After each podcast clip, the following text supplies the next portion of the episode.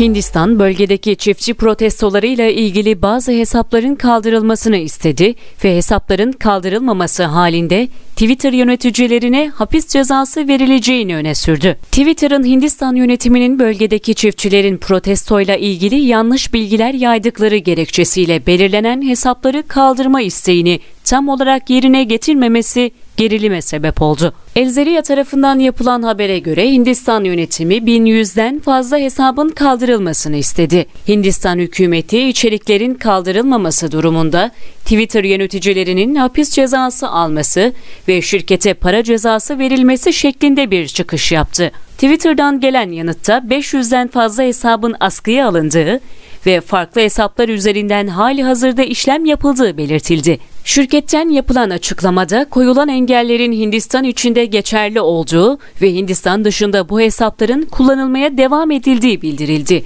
Bunun yanı sıra Twitter, ifade özgürlüğünü savunma politikası kapsamında gazeteciler, medya, aktivistler ve politikacılar tarafından yönetilen hesaplarla ilgili herhangi bir işlem yapılmadığını da açıkladı. Hindistan yönetimi bazı hesapların Pakistan ve Sih hareketi destekçileri tarafından yönetildiğini öne sürdü.